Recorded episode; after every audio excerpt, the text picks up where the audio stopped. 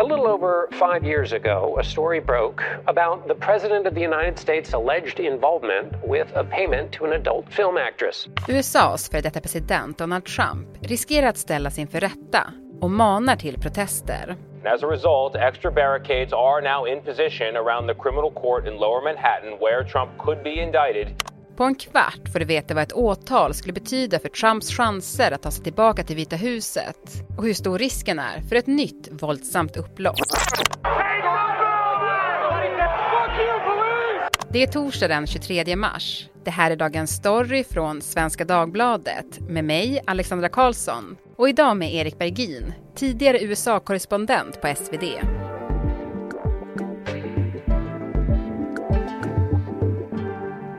Du Erik, jag har läst flera uppgifter nu om att eh, Secret Service och New York-polisen eh, börjar placera ut kravallstaket och liksom planera för ett, hur ett gripande av Trump skulle kunna gå till. Mm. Just det, men det, det, stämmer och alltså det beror, bakgrunden mot det är ju att det, det, om det skedde vore det helt unikt. Det har aldrig hänt eh, egentligen att, att, att en ex-president har gripits, åtminstone inte i modern tid, för, för, ett, för ett brott. Och det handlar inte bara om själva gripandet tror jag man ska poängtera, utan även vad, vad händer om det kommer ett åtalsbeslut mot, mot Trump, som också vore unikt. Alltså hur agerar hans supportrar då? Och det är det man är orolig för här. Ja, och han har ju också uppmanat eh, supportrar att protestera. Han har det, ja. Precis. Mm. Och um, återstår väl att se om de reser till New York då, på samma sätt som många reste till, till Washington den 6 januari 2021. Men, men det får man väl se. Men, men det är det som är bakgrunden. Men du, eh, alltså Trump är anklagad för flera olika brott. Det kan mm, man ju säga. Verkligen, mm. Mm. Eh, och jag tänker vi ska gå in på de andra lite senare. Men, men först, vad handlar den här historien om? Ja, den här härvan är ju den så kallade Stormy Daniels-härvan som eh, har sin eh, början egentligen eh, strax före valet 2016. Då är ju Trump presidentkandidat och eh, han oroar sig då för en påstådd utomäktenskaplig affär som han ska ha haft tio år tidigare med den här Stephanie Clifford som hon heter, alltså mer känd som Stormy Daniels, en för detta porraktris. Stormy Daniels har sagt att hon och Donald Trump möttes under en golfrunda i juli 2006 och att de hade sex på ett hotellrum i turistorten Lake Tahoe som ligger mellan Kalifornien och Nevada. How do you feel about that specific night now that you look back at everything Nauseous? I mean, it's pretty, it's pretty terrible. Tio år senare, 2016, ska Trump, då presidentkandidat, ha bett sin dåvarande advokat att förhandla fram en summa med Stormy Daniels i utbyte mot hennes tystnad om affären. Summan landade på 130 000 dollar. Men det är först 2018 som härvan exploderar offentligt She did this of her own accord. She went up to his hotel room. It was consensual between two adults. I'm hearing a lot of the probably salacious details. This is not the... Och avslöjandet ledde inte bara till en pinsam otrohetsskandal utan också till en misstanke om brott.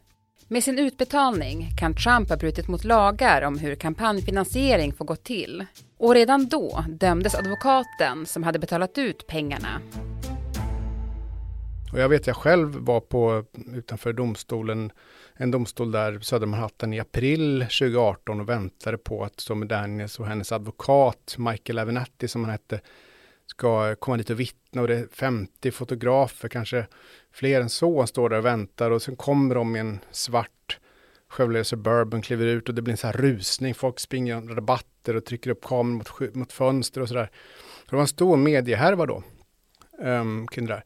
Och sen, så, men Trump själv är president då och kan inte åtalas. Däremot så kan hans advokat åtalas. Så Michael Cohen åtalas för en rad brott och döms då senare det året till fängelse.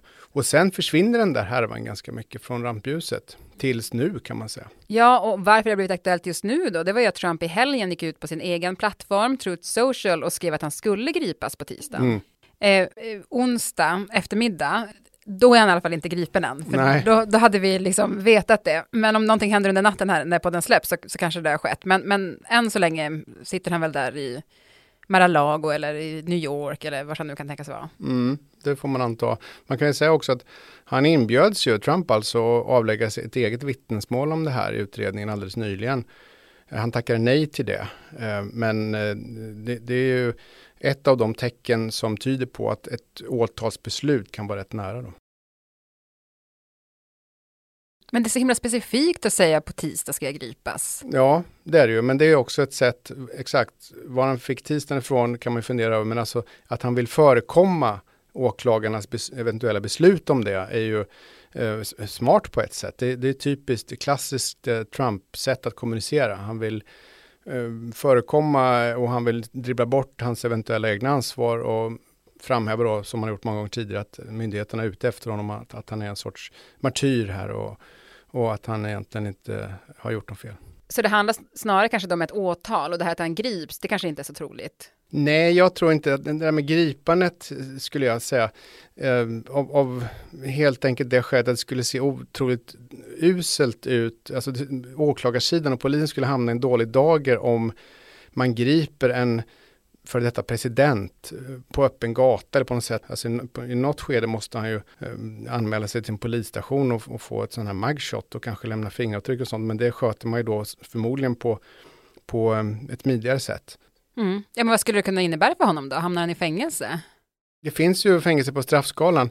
Um, så potentiellt sett ja, men jag, alltså Trumps advokater kommer ju hävda att han hade betalat de här pengarna alldeles oavsett om han var presidentkandidat eller inte. Och då är det i så fall bara ett litet simpelt bokföringsbrott eh, kvar och, och det eh, är inte så mycket att hänga i julgranen så att säga. Nej, så det åklagarna måste bevisa det var att, alltså själva det här att det gjordes för att han var presidentkandidat? Ja, eh, som en del av valkampanjen och mm. då kan det potentiellt sett vara, vara ett kriminellt förfarande liksom. These four horrible radical left Democrat investigations of your all time favorite president, me, is just a continuation of the most disgusting witch hunt. Men jag tänker, alltså Trump eh, har ju haft ett högt tonläge även nu då när han har gått ut och pratat om det här. Alltså han har uppmanat folk att protestera, att ta tillbaka nationen. Väldigt liknande som det lät då innan stormningen av Kapitolium.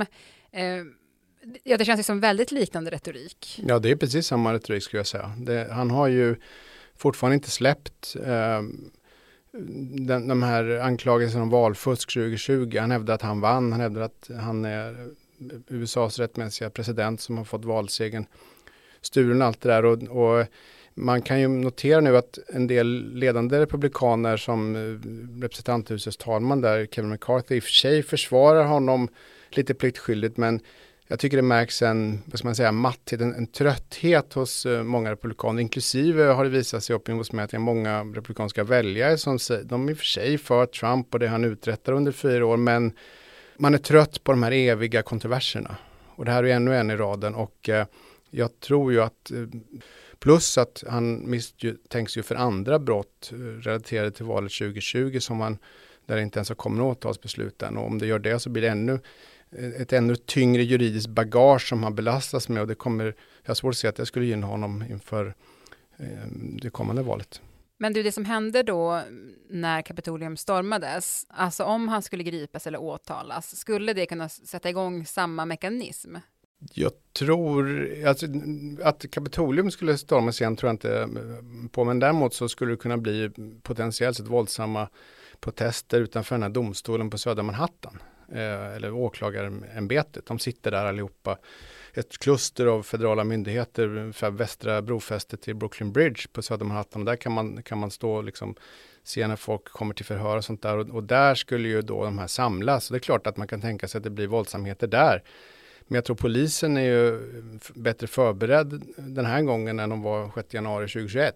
Mm. Plus att Kevin McCarthy och andra tunga republikaner i Washington har gått ut och sagt nu att vi rekommenderar ingen att gå ut och protestera mot det här just eftersom det risk skulle riskera bli nya våldsamheter. Efter 6 januari har ju över tusen personer gripits och många har åtalats för brott och ingen vill ha ett, en sån härva igen så att säga. Mm. Mm. Och som du sa att man, man har redan börjat förbereda med kravallstaket. Ja, exakt. Mm. Trump är ju misstänkt för flera brott parallellt då. Eh, det här med Stormy Daniels eh, Ja, är det det som är jobbigast för honom? Kanske inte, eller? Nej, jag tror inte det. det. Det finns ju, som du nämnde, andra brott, nyare, färskare, i alla fall misstänkta brott som Trump misstänks för. Och man kan välja att se det här Storm, Stormy Daniels-fallet som, som en distraktion från det här mer allvarliga som handlar om USAs demokrati och hur man genomför val och sånt som, som Trump också misstänks för. Mm, ja, men precis. För vad är de andra sakerna som han misstänks för? Ja, vi har ju då stormningen och den 6 januari 2021 som Trumps eventuella delaktighet i den. Vi vet att han ringde eh, delstatspolitiker i Georgia och försökte få dem att ändra valresultatet. And there's nothing wrong with saying that, you know, uh, that you've recalculated. Vi vet att han hade hemliga dokument hemma hos sig. Vi vet att han konspirerade med jurister och andra anhängare och medarbetare i Vita huset för att förfalska elektorsröster. Bill, it's Rudy Giuliani, uh, President Trump's lawyer. I have a few things I'd like to talk over with you. Maybe we can get this thing fixed up. Det är potentiellt sett ganska allvarliga brott, eh, givet då att man lyckas få det till åtal, baxa det ända dit, det har vi inte sett än. Det är det alla, särskilt demokrater, väntar på att justitiedepartementet ska sätta ner foten om. Och eh, potentiellt sett så är det mer allvarligt kan man hävda än att försöka mörka en tio år gammal otrohetsaffär. Det, det är ju, säger sig självt. Men du, hur unikt är det här, alltså att en tidigare president i USA misstänks för så många brott? Det är helt unikt skulle jag säga. Det har aldrig hänt förr, möjligen om man går tillbaka till, jag vet inte, 1800-talet, men i modern tid så är det helt, helt unikt. Jag tror även om man lägger ihop allt hur Trump har agerat, han försökte sitta kvar efter en förlust och, och alla de här brottsmisstankarna så, så är det helt unikt. Men vad tänker då hans eget parti, alltså Republikanerna, alltså vad säger partiet? Det finns ju en partiledning, en formell partiledning som inte hörs och märks så mycket. Eh, de stöder Trump för de är i praktiken tillsatta av, av, Trump själv och sen har du ledarskiktet eh, i eh, kongressen i Washington. De backar officiellt upp honom och menar att han har blivit utsatt för, för allt för hård granskning av justitiedepartementet och andra. Men man vill gärna se framåt mot nästa val 2024 medan Trump fortsätter se bakåt mot det förra valet 2020. Mm. Du, det är ju en bit kvar tills 2024, men men hur kommer det gå för Trump? Alltså, kommer han vara kandidat? Trump är ju än så länge den enda tunga republikanska kandidaten som har ställt upp. Vi har ju Nikki Haley, eh, före detta eh, guvernör i South Carolina som har ställt upp och kanske någon, någon annan som, som liksom har deklarerat att de, att de är med i racet som jag inte ens minns namnet på, men alltså de här stora tunga namnen, Ron DeSantis, eh, Mike Pence, det har pratats om, om förre utrikesministern och så vidare. De som, som är tunga namn, de har ännu inte deklarerat eh, att de, hur de ska göra. Däremot kan han vinna själva valet i november 2024. Det är den stora frågan. Och jag tror, om det bara handlar om Trump skulle jag säga att han har svårt att göra det. Eh, däremot så, nu är det ju så att det hänger ju lite på vad Demokraterna gör också. Och hur poppis eh, Joe Biden eller någon annan i så fall är. Ja men precis, för Trump vill ju ställa upp i presidentvalet 2024. Mm. Han vill ju bli president igen. Liksom. Han har tidigare sagt att, att, att ett åtal inte kommer äventyra hans kandidatur. Vad tror du om det? Stämmer det?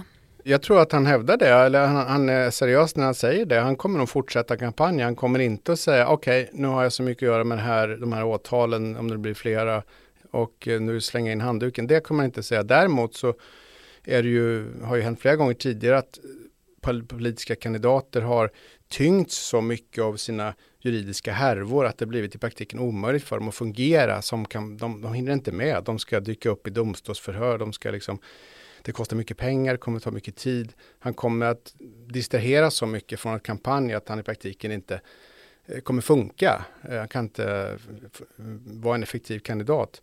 Det är åtminstone vad många demokrater hoppas ska ske. Jag är inte säker på att Stormy Daniels-fallet i sig kanske räcker, men om det blir fler åtal, då är han ju illa ute av det skälet. Och du tror inte han skulle kunna använda det då och säga att han är häxjakt eller liksom? Jo då. Ja. Det, det är det han gör hela tiden och det kommer han att fortsätta med. Men frågan är om, om det i sig räcker för att motivera röst, väljarna att rösta på honom. Att säga att jag är utsatt för en häxa. Det, det, I så fall handlar det ingenting om vad, vart han vill ta USA mellan 2024 och 2028 utan då är det bara om han, han själv och vissa väljare kommer köpa det men jag tror att de är allt färre. Det hänger ju lite på vad Demokraterna gör också och hur poppis eh, Joe Biden eller någon annan i så fall är. Mm, exakt, så det, det, kanske inte bara kommer handla om Trump. Nej, den stora osäkerhetsfaktorn nu inför det här valet tror jag ligger mer på den demokratiska sidan faktiskt än den gör på den republikanska.